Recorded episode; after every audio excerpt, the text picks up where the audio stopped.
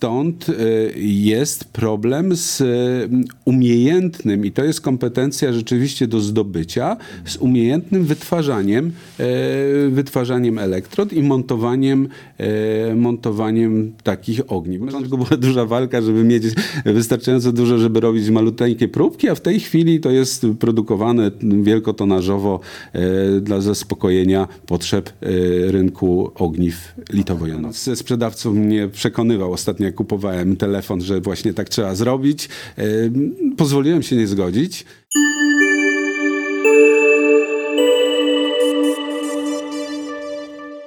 Witamy w kolejnym odcinku, w którym będziemy wyjątkowo rozmawiać o dwóch projektach e, naraz. E, naszym gościem jest profesor doktor habilitowany inżynier Marek Marcinek z Katedry Chemii Nieorganicznej Wydziału Chemicznego Politechniki Warszawskiej. Dzień dobry. Dzień dobry.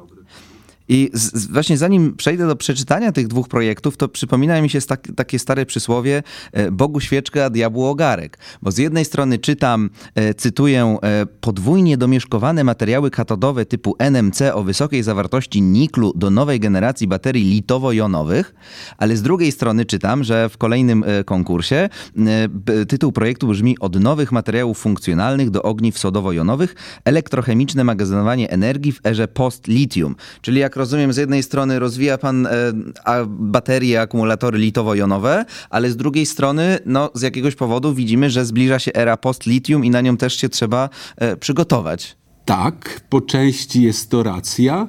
E, przy czym, gdyby spojrzeć chronologicznie wstecz, to ogniwa sodowo-jonowe i litowo-jonowe rozwijały się do pewnego momentu e, równolegle. Potem mhm. dopiero nastąpił taki rozdźwięk e, z różnych powodów, mm, ale istotnie ze względu na to, że wszyscy wokół w tej chwili cierpimy na taką chorobę mobilności, w związku z tym potrzebujemy zmagazynować energię.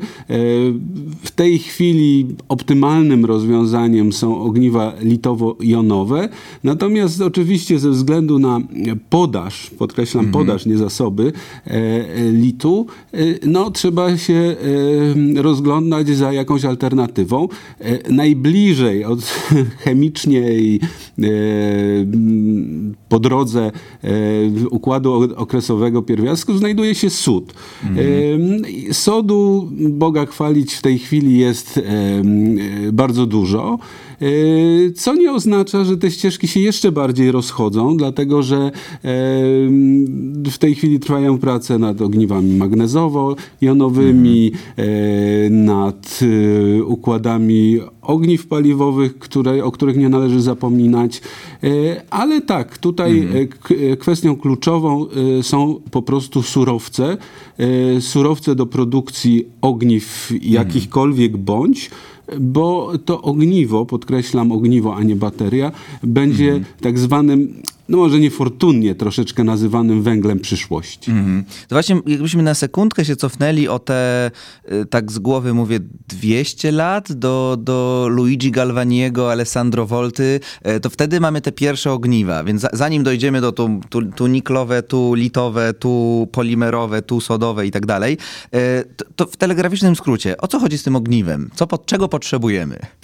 E, potrzebujemy dwóch materiałów po stronie e, generujących różnicę potencjału, czyli mówiąc tak bardzo obrazowo, potrzebujemy dwóch górek, jednej e, wysokiej, drugiej niskiej i e, potoczku, który będzie spływał z jakimś tam prądem, tak? Okej, okay, czyli mamy e, te, te, te, dwie, te górka dołek, czyli dwie elektrody i mamy jakiś elektrolit pomiędzy nimi, czyli ten e, e, strumyczek. Tak. I elektrolit pełni funkcję takiego separatora. Gdyby sobie to próbować wyobrazić, to prąd może być, znaczy ładunek elektryczny może być przenoszony na dwa sposoby. Mhm. Za pomocą elektronów i za pomocą jonów. I teraz, mhm.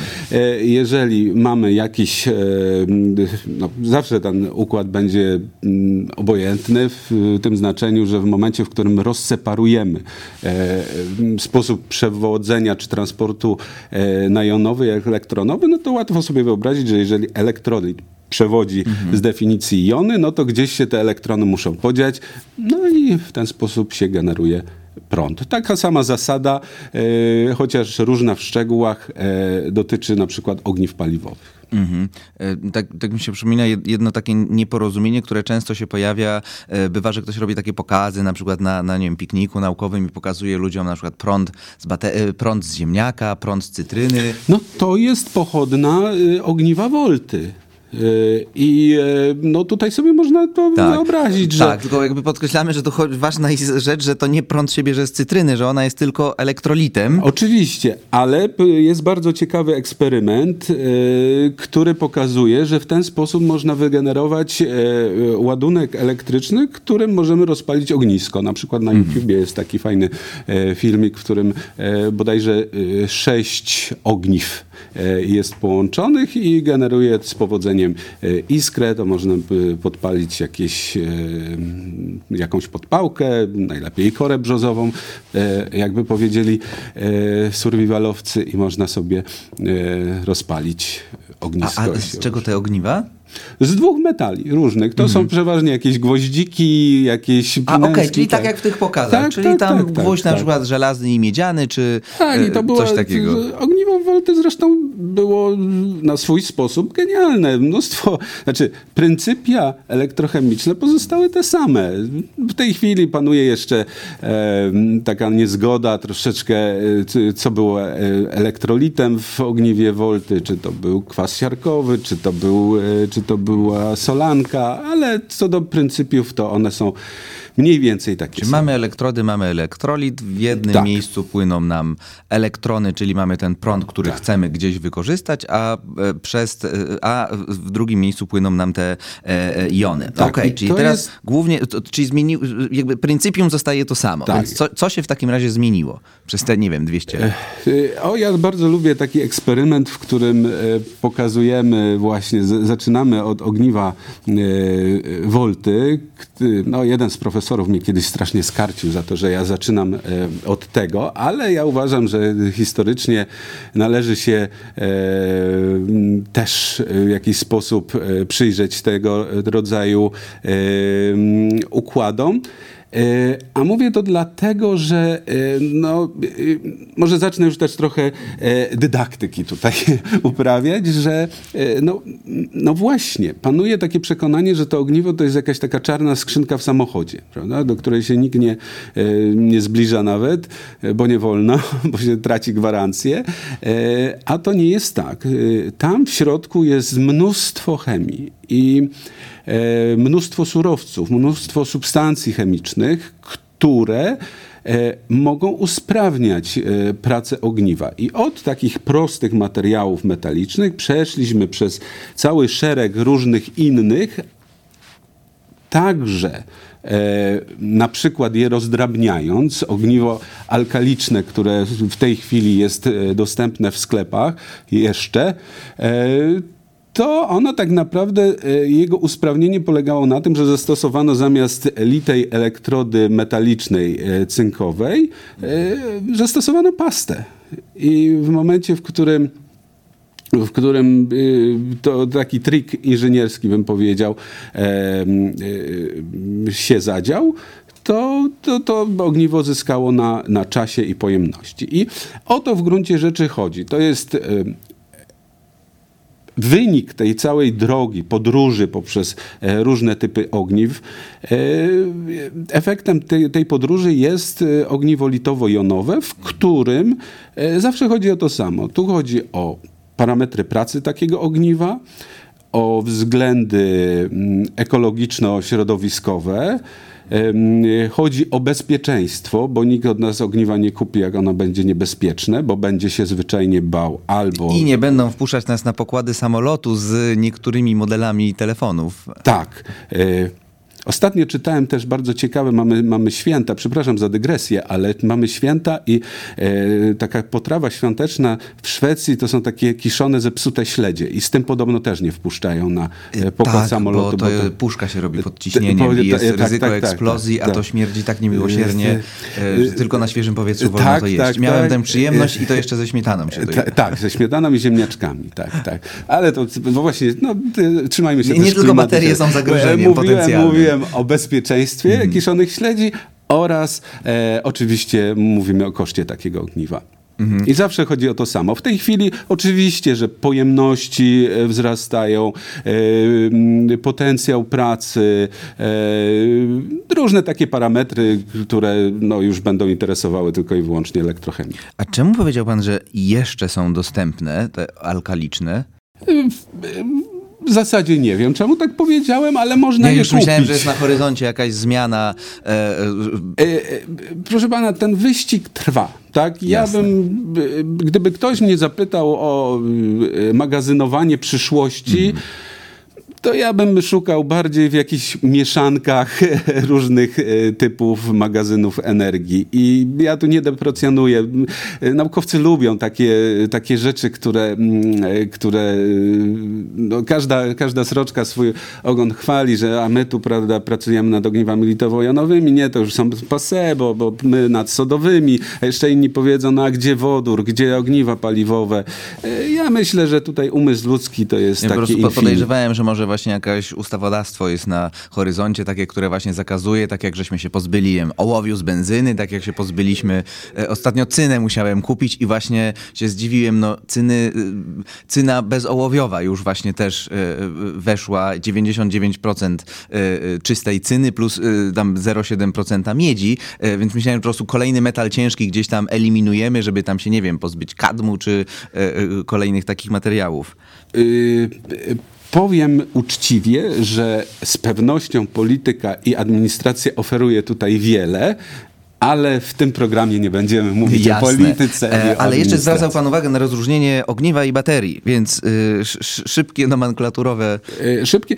e, W slangu mm, naukowym i angielskim, w publikacjach zawsze będziemy znajdowali te lithium-ion batteries, tak? I to jest w, w porządku, przy czym jest to pewne uproszczenie, bo jednak bateria to jest kilka ogniw złożonych szeregowo. I baterie można kupić. Baterie można sobie wygooglować, one są dostępne. Natomiast jak zaczynamy pytać o ogniwo, to to jest bardzo limitowany towar, dlatego że, tak jak mówię, wchodzimy do wewnątrz tej puszeczki, albo cylindra, albo e, jakiejkolwiek innej geometrii i nagle się okazuje, że tam są surowce. I za tym idzie cała masa chemii, cała masa ekonomii, no i oczywiście cała masa administracji, bo e, surowce to jest mm, towar e, reglamentowany, bym powiedział. I w momencie, w którym przy, zaczynamy rozmawiać o ogniwie, to tego ogniwa, czy materiałów do produkcji ogniw, no krótko mówiąc, przy takim popycie na e, magazyny energii e, zaczyna go brakować, tak? Czyli przeskakujemy od Galvaniego i Volty do wieku XXI. Rozmawiamy w trakcie dziejącej się e, katastrofy klimatycznej, której towarzyszy transformacja energetyczna, żeby choć trochę katastrofę podtrzymać. No i w ramach tej transformacji energetycznej, no właśnie staramy się elektryfikować co tylko się da, żeby zmniejszać zależność od paliw kopalnych. Więc tu wchodzą na przykład elektryczne samochody, no, które są zdominowane teraz przez y, baterie też, y, czy akumulatory litowo-jonowe. No i wszyscy też w telefonach i o tej mobilności, której pan wspominał, no wszyscy wszędzie mamy e, w laptopach, w telefonach, w, e, wszędzie dookoła mamy te e, litowo-jonowe. No więc no pytanie właśnie, w czym jest problem? Dlaczego no po prostu, czy one nie są dość dobre, żebyśmy uznali, że okej, po prostu róbmy ich więcej, e, czy jest tu jakiś problem? No jest. E, Co to jest dość dobre, dość dobre ogniwo, co to jest dość dobra bateria? My cały czas uczestniczymy w wyścigu, żeby te ogniwa pracowały dłużej, a jednocześnie o, design dyktuje cieniutkie telefony, które, e, w których muszą zachodzić dosyć skomplikowane procesy chemiczne. Co cykl to jest w zasadzie nowy, nowy proces, które muszą zachodzić odwracalnie, e, bezodpadowo. Natomiast e, ja chcę jeszcze jedną rzecz powiedzieć, która niestety gdzieś tam pokutuje. Ja myślę, że wśród słuchaczy m, politechnicznych to oczywiście jest truizm, o, o którym powiem, ale to się tak łatwo przeskakuje przez samochody elektryczne do ratowania planety, do eliminacji smogu. E, proszę Państwa, te ogniwa, te baterie muszą być ładowane mm -hmm. z czegoś, tak? I prądu, co jest po drugiej stronie tej wtyczki, to jest zupełnie inna dobranocka.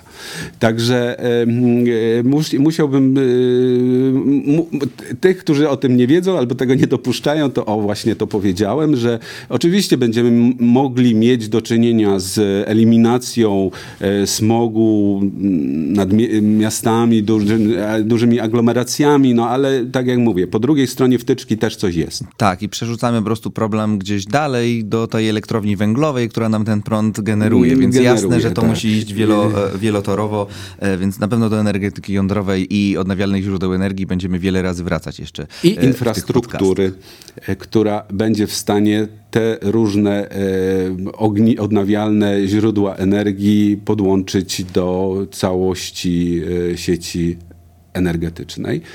E, to tak jak po tym takim, po tej historyjce takiej pobocznej, no to problemów jest bardzo wiele, bo mm, tak jak powiedziałem i z uporem będę powtarzał, to nie chodzi o źródła surowców, tylko i zasoby, tylko chodzi o pewnego rodzaju podaż tych surowców, bo to jest troszeczkę coś innego. Podaż może być regulowana, tak?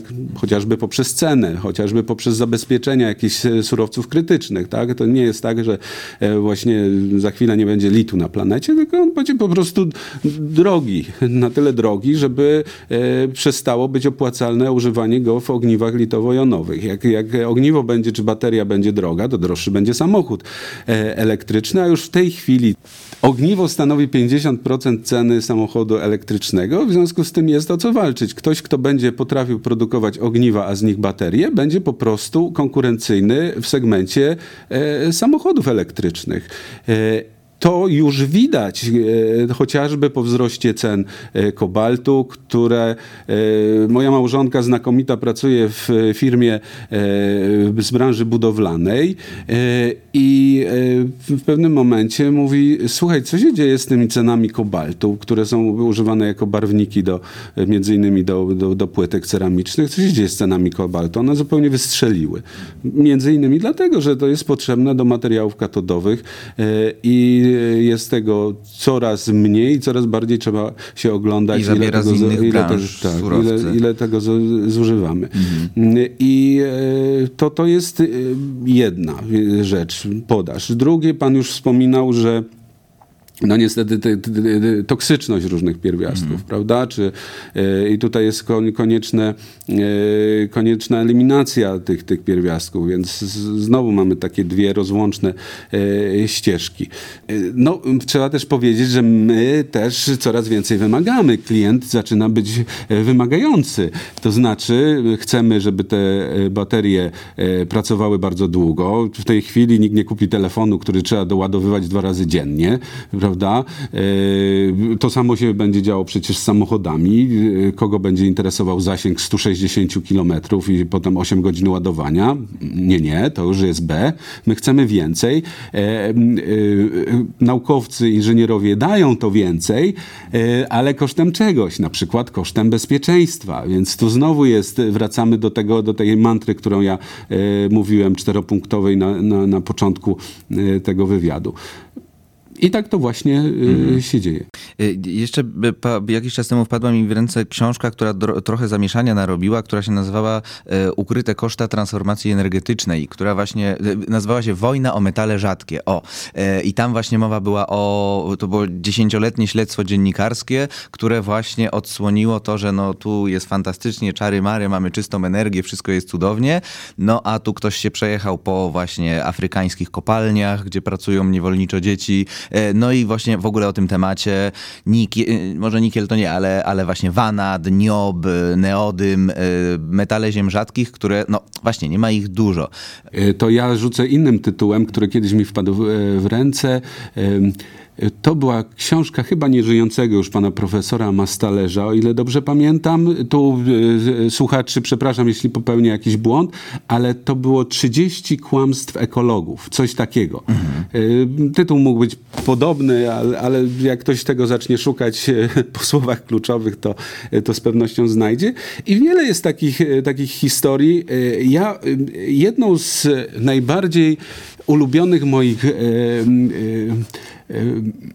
um cech, czy też jak gdyby cech, o, może cech charakterystycznych profesora jest to, że może mówić prawdę. I ja uwielbiam to e, w sobie, że e, w tej chwili mogę sobie pozwolić na to, żeby walić prawdę prosto z mostu. To jest urok bycia samodzielnym tak, pracownikiem, tak, to jest e, wspaniałe. nie da się usunąć nawet, z uczelni. Nawet Korzystajmy. Te, te literki, tak, te literki mi tam e, oczywiście tak jakoś tam dobrze robią, natomiast, e, natomiast e, chodzi o to, żeby rzeczywiście do tematu pod, podchodzić uczciwie. Oczywiście żartuję z, tymi, e, z tą prawdą i, i, i z, z budowaniem ego, natomiast e, absolutnie jest, e, jest w tym bardzo dużo prawdy i takich historii jest bardzo dużo.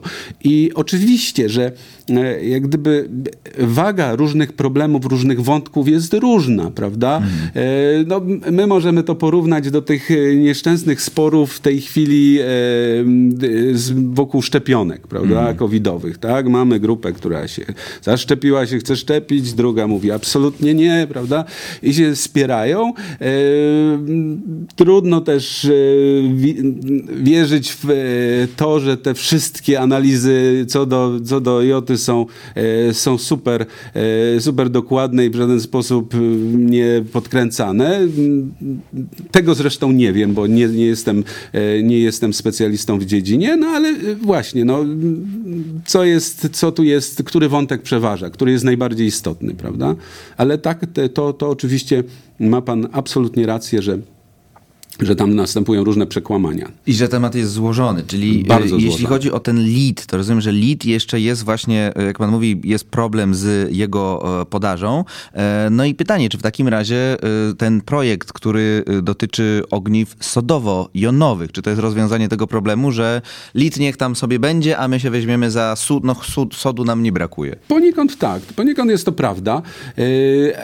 Tyle, że na początku się wydawały dwie rzeczy. Po pierwsze, bliskość chemiczna e, litu do sodu e, pozwalała sądzić, że progres w, te, w tym obszarze będzie fenomenalny. Jak ruszymy, to wszystkie problemy, które znaliśmy z litu, w cudzysłowie, to one zostaną rozwiązane, dlatego że sodu jest dużo i z drugiej strony będziemy, wszystkie te, będziemy znali te wszystkie rozwiązania. Okazało się, że nie, że diabeł tkwi w szczegółach, że materiały, które były, działały w sodzie, nie działają, e, działają w licie, nie działają w sodzie e, lub działają troszeczkę inaczej e, i wcale to nie jest takie, takie hop siup. Mhm. Czyli, bo rozumiem, że nie rozmawiamy o czystym y, sodzie, no bo e, e, jeszcze chyba ze szkoły wszyscy pamiętają, że sam sód czysty, szczególnie właśnie też wrzucony do wody, to uroczo działa.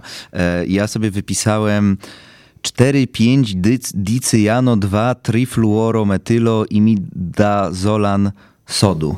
O, bardzo ładna nazwa. Bardzo nie, nie powiedziałem z pamięci, nie będę e, kłamał. To e, jest... E, czyli jakby już Ale tak przechodząc... skrót jest łatwiejszy, TDI. Tak, NATDI. Tak. Czyli jakby nie rozmawiamy oczywiście o czystym sodzie, tylko o jakiejś soli sodu. I teraz co to jest to NATDI? NATDI to jest taka sól, którą używamy w elektrolicie. Mhm. I e, historia tego e, wynalazku jest e, dosyć już długa, ale to też pokazuje, jak wiele pracy trzeba włożyć w to, żeby ona ujrzała e, światło dzienne. I takim e, pomysłodawcą użycia e, soli nisko koordynujących był bardzo znany profesor Armand. Ale on właśnie wyszukał, że pracę nad taką solą prowadzono y, na Politechnice Warszawskiej no, dawno, dawno temu. Mój y, szef, profesor Wieczorek, został zagadnięty przez profesora Armanda i czy my jeszcze to robimy, czy to produkujemy. Na szczęście pani doktor, pan profesor Szczeciński, pani doktor Bukowska jeszcze pamiętali, jak to się robi. Są świetnymi specjalistami w dziedzinie chemii organicznej i mówią, no dobrze. E, wtedy to do całego projektu został e, niejako zaproszony młody naukowiec, pan doktor, wtedy magister Leszek Niedzicki i on się zafascynował tym tematem, bardzo szeroko go rozpropagował w międzyczasie nauczyliśmy się syntezować tej soli e, dużo, dużo więcej. E, zrobiliśmy taki e, upscaling, jak to się ładnie nazywa, dzięki panu profesorowi Synorackiemu, który szefował laboratorium LPT na Laboratorium Procesów Technologicznych na, na Wydziale Chemicznym. E, mnóstwo osób zostało w to zaangażowanych. Mnie temat interesuje e, od strony doboru elektrod do elektrolitu. Mhm. I te, te, te projekty właśnie oscylują wokół tego, żeby do elektrolitu dołożyć elektrody i mieć komplecik. Mhm. Czyli NATDI to jest to ten jest elektrolit, w którym elek zanurzamy, znaczy w który wbijamy te elektrody? Yy, no nie do końca, mhm. ale już tłumaczę. Sól, elektrolit stanowią rozpuszczalniki organiczne, w której rozpuszczona jest sól. Mhm. Kiedyś to, było, y, to był nadchloran litu, ale to był bardzo wybuchowy mhm. jegomość. Potem były próby z innymi solami, które były albo to toksyczne, albo niestabilne, albo ich cena była za wysoka. Y, I y, okazało się, że że to jest jakieś remedium, y, te tak zwane nowe sole, albo sole z anionami Hikla, albo nisko koordynujące, nisko koordynujące mm, sole litowe.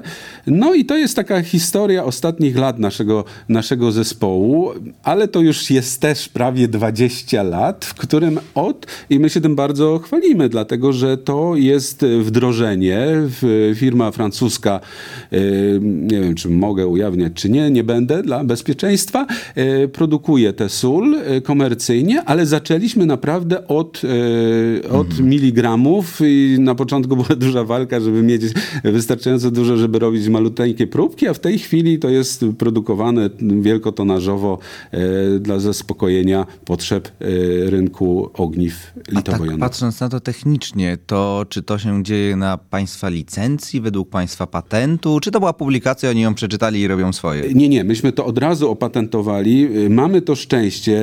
Mój szef jest bardzo e, takim operatywnym człowiekiem i bardzo e, energicznym, tak, co czasami odczuwamy. Re rektor Wieczorek, tak? Tak, tak, tak pan, pan rektor Wieczorek. I no, takim poszliśmy takim szerokim frontem. Znaczy od razu żeśmy to opatentowali. Przy czym ja tu mówię o swoich kolegach, którzy bezpośrednio w tych, w tych elektrolitach pracują. E, I dzięki pomocy e, Europejskiego Instytutu e, Naukowego Alistor. To jest taki, taka organizacja działająca już od, od wielu, wielu lat. Mieliśmy przyjemność współzakładać tą, ten, ten instytut. Przewodził tym instytutem i dalej jest takim wielkim guru profesor Jean-Marie Tarascon z Collège de France. I ci koledzy pomogli nam w pewnym sensie opatentować ów wynalazek. Zainteresowały się też tym firmy, no głównie dlatego, że, że, że, że, nie było takiej, takiej soli, która, znaczy była, tylko ma bardzo dużo wad i tutaj takim, takim lekarstwem okazała się właśnie ta sól. NATDI. LITDI, ale tak jak mówię, ta A, droga została okay. powtórzona. Tak? I w tym przypadku ten materiał akurat y, działa. Okej, okay, czyli te, jeśli chodzi o sól jest jasne, natomiast no jeszcze potrzebujemy tych y, elektrod i z tego co pan wcześniej powiedział rozumiem, że no nie jest tak prosto, że weźmiemy te co działały wcześniej, y, bo się robi problem. Więc tak, co problem z elektrodami? Strukturalny, materiałowy, no to zacznijmy od mm, elektrod y, do ogniw litowo-jonowych, bo to znowu jest ta mhm. sama, e, ten sam serial. E, mianowicie e, w tej chwili no po stronie anodowej mamy, mamy w sumie sytuację dosyć prostą. Na początku był grafit, że tak powiem, biblijnie I no, z jego dostępem nie ma szczególnych problemów, z ceną również. I Natomiast on miał no, swoje wady, na przykład niską, niską pojemność, około 400 mAh na gram i w trakcie pracy z określonymi rozpuszczalnikami, przechodząc do elektrolitu, e, ulegał rozwarstwieniu, e, tak zwanej eksfoliacji. E, no i z tych powodów zaczęto szukać innych materiałów. W tej chwili takim materiałem, e, aczkolwiek inaczej działającym niż e, grafit jest e, krzem i, i cyna. E, ale krzem tutaj e, wiedzie prym, no i jego pojemność jest prawie rząd wielkości e, wyższa niż grafitu, czyli jest dobrze, ale z kolei krzem jest tak zwanym typem elektrody, które nazywamy elektrodami stopowymi. I w trakcie pracy on kolokwialnie mówiąc puchnie. Puchnie, zwiększa swoją objętość nawet cztery razy. I no, w momencie, w którym on puchnie, a potem zmniejsza swoją objętość e, w procesie przeciwnym, e, to, e, no to mamy problem Houston, bo po kilku cyklach ta elektroda się zwyczajnie rozpada. Tutaj remedium jest stworzenie różnych inżynierskich rozwiązań, mianowicie pewnego otaczania taką warstewką węgla, tworzenia pewnych matryc, które są udekorowane tylko nanocząstkami krzemu. I tyle byłoby na temat anody, a jeżeli chodzi o stronę katodową, e, sytuacja wygląda troszeczkę bardziej e, skomplikowanie. Są tam e, różne materiały aktywne, które stanowią tlenki manganu, fosforu, niklu, kobaltu właśnie wspomnianego i oczywiście do tego jest dołożony jon albo litu, albo sodu. E, no ale tak jak to e, w życiu bywa, nie ma rozwiązań idealnych. Jak coś jest, e, coś pracuje dobrze, to jest drogie. Jak coś jest dobre i tanie, to może być nieprzyjazne środowisku. I w związku z tym Różne mankamenty próbuje się tutaj rozwiązać. W przypadku jednego z materiałów należy go powlekać e, cieniutką warstwą e, sadzy, żeby usprawnić jego przewodnictwo elektronowe. E, do tego dochodzi grafit w takiej katodzie kompozytowej, który zapewnia tak przewod, przewodność elektronową w w sensie makroskopowym bardziej, no i to trzeba czymś wszystko skleić. E, takim klejem lepiszczem jest e, polifluorek winilidenu, e, w skrócie PVDF, który tą całą masę, po angielsku zwaną slary, skleja. Ten lepiszcz jest również obecny w po stronie anodowej spełnia tam samą funkcję dla grafitu e, e, jako taki właśnie materiał spajający całą masę e, elektrody. E, otrzyma, tak otrzymane masy, czy to po stronie anodowej e, grafitu, czy po stronie katodowej, tą całą mieszankę różnych składników, rozmazuje się na kolektorze prądu, tworząc mm, warstwy mikronowe. To trzeba potem jeszcze wysuszyć, ale po stronie anodowej to się rozmazuje na folii miedzianej, miedzianej, a na, po stronie katodowej y, aluminium.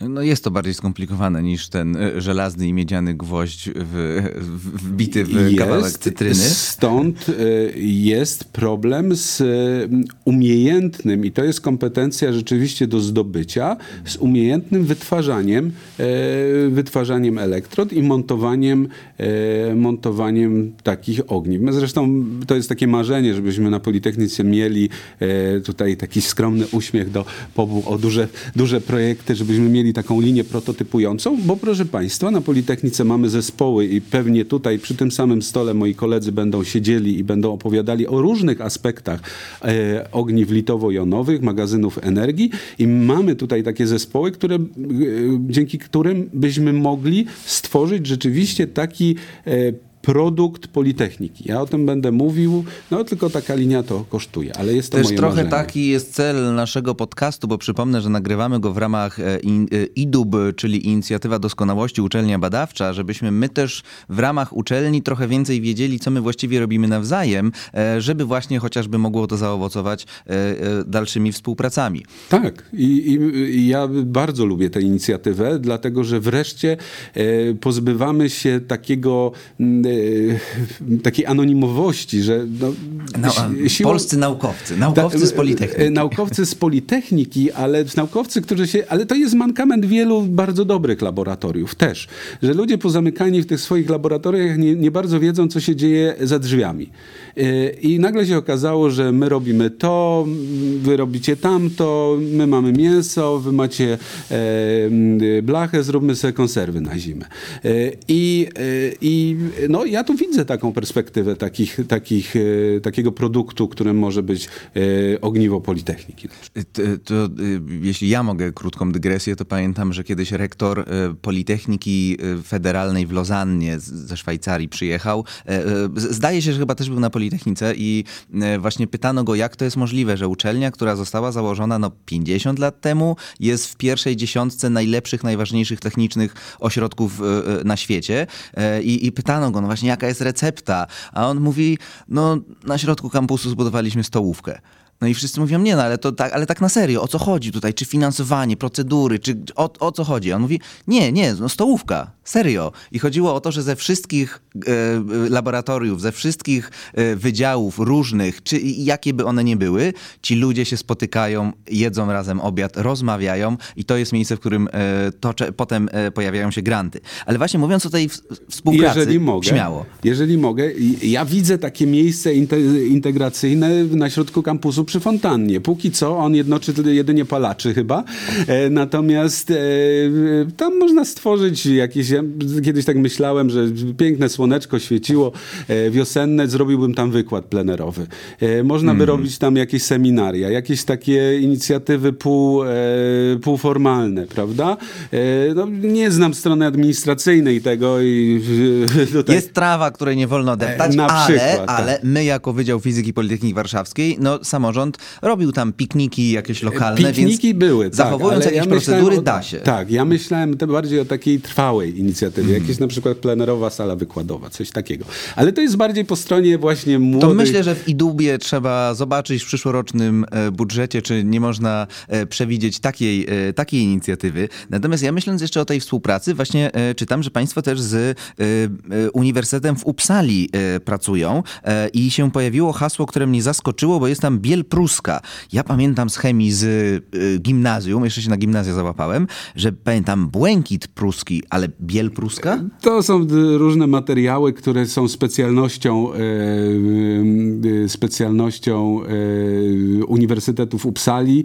E, on, to jest bardzo popularny materiał katodowy w przypadku ogniw sodowo, sodowo-jonowych, a współpraca z Uppsalą to jest właśnie pochodna Europejskiego Instytutu Naukowego Alistor, w którym y, my uczestniczymy, tak jak mówiłem, od samego początku i on skupia y, czołowe ośrodki y, pracujące przy y, y, ogniwach, no, tam był Alistor, czyli ogniwach litowych. E, No, w tej chwili już e, projekty też obejmują ogniwa sodowo, e, jonowe. s- y, Także ostatnio słyszałem o jakimś projekcie, który też wapń pragnie zaprzęgnąć do, e, do pracy. Mhm. I tam się pojawiło hasło, że to są materiały trzeciej generacji?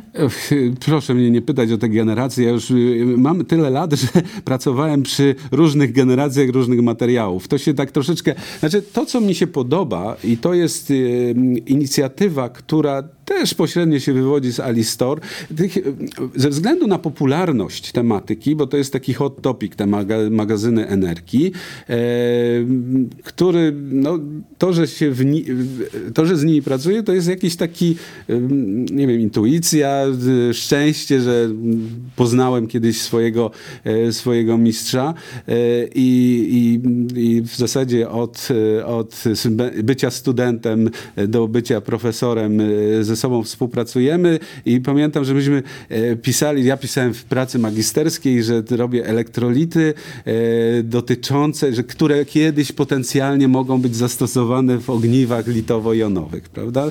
E, w tej chwili to się bardzo, bardzo rozwinęło i mnóstwo organizacji powstaje. W tej chwili mamy taką inicjatywę Battery 2030+, plus, także inicjatywę Big Map, w której skupione są wszystkie ośrodki europejskie i one porządkują materiały i porządkują przede wszystkim procedury e, postępowania z tymi materiałami, a także system wymiany danych, które pozwoli, miejmy nadzieję, uporządkować proces wytwarzania ogniw w Europie. I to jest bardzo cenna inicjatywa. I rzeczywiście tam się pojawiają różne generacje tych, e, tych materiałów i e, no pewnie bym poległ, jakby mnie pan zapytał, co, który to jest materiał pierwszej generacji anodowej, katodowej. Nie, ale jak już, już mi to w zupełności wystarcza, żeby Tak. tym się nie przejmować, że to bardziej Ale to brzmi administracyjna dobrze, to brzmi sprawa. dobrze, tak, tak, tak.